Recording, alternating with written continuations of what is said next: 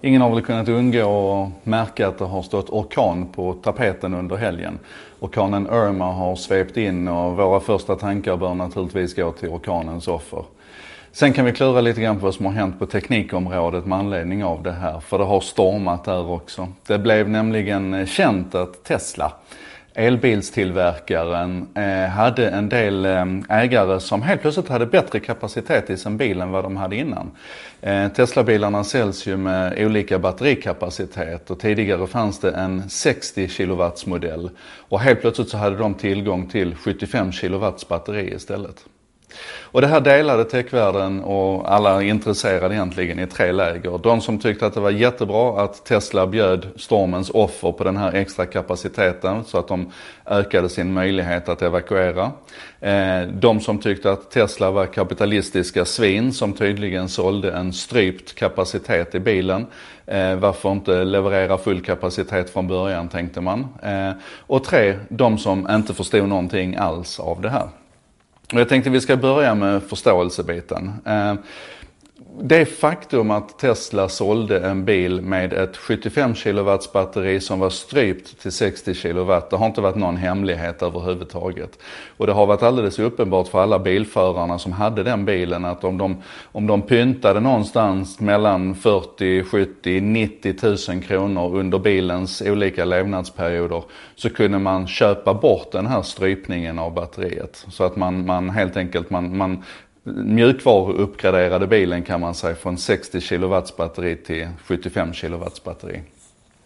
Och så, inga hemligheter där bakom utan att det här exploderade nu det var ju för att det blev väldigt publikt i, i ljuset av, av eh, orkanen.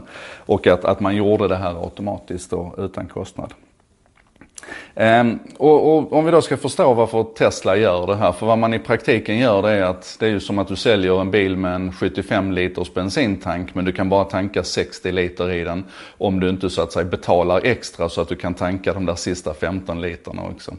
Och att Tesla gör det här det har ett, ett antal olika skäl. Um, det, det, det, första det är naturligtvis en, en, slags ren ekonomi. Det kostade lika mycket att tillverka ett 60 kW batteri som att tillverka ett 75 kW batteri. Och då är det ju enklare att bara tillverka ett batteri men sen då erbjuda marknaden olika möjligheter. För marknaden gillar ju möjligheter.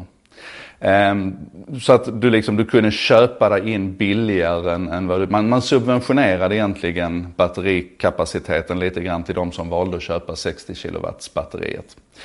Eller 60 kW kapaciteten. Den andra förklaringen det är att det här var ett slags A B-test. Genom att göra så här så kunde Tesla tydligare utreda vad vill marknaden ha? Alltså vad är det för vad är det för funktioner som är viktiga i bilen? Och en effekt av det, det är att idag, det finns inget 60 kW alternativ idag för det var så få som ville ha det.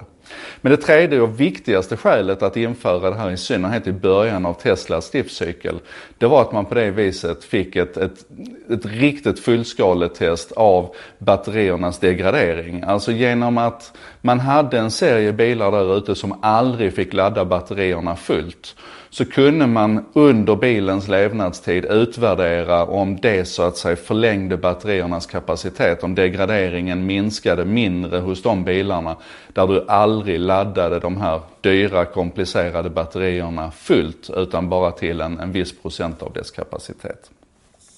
Så det är det som är bakgrunden lite grann så. Och vad det här då egentligen borde leda till kanske, det är att vi funderar över det här med mjukvara och hårdvara igen. Och det faktum att det finns väldigt mycket saker idag som, som kan tillverkas med en högre kapacitet och, och begränsas mjukvarumässigt. Och jag måste säga också, det här är ingenting som är unikt för Teslas elbilar. Det finns nästan inte en modern bil idag där du inte har ett antal standardkomponenter i alla bilar och sen använder du mjukvara mjukvaran för att särskilja dem och ge dem olika karaktäristik och också sätta en, en, en olik prislapp på dem. Så det är ingenting som är unikt för Tesla. Men rent generellt så är det intressant att fundera på en, en produktionslinje som gör allting lika och sen mjukvara som begränsar kapaciteten på det. Och jag tänker inte säga mer än så, utan bara fundera på det där. Mark Andreessen sa ju en gång i tiden att software will eat the world. Alltså mjukvara kommer att dominera. Allting kommer att handla om mjukvara. Jag tycker det här är ett tydligt exempel på det och någonting som vi kan lägga lite tid på att fundera på idag.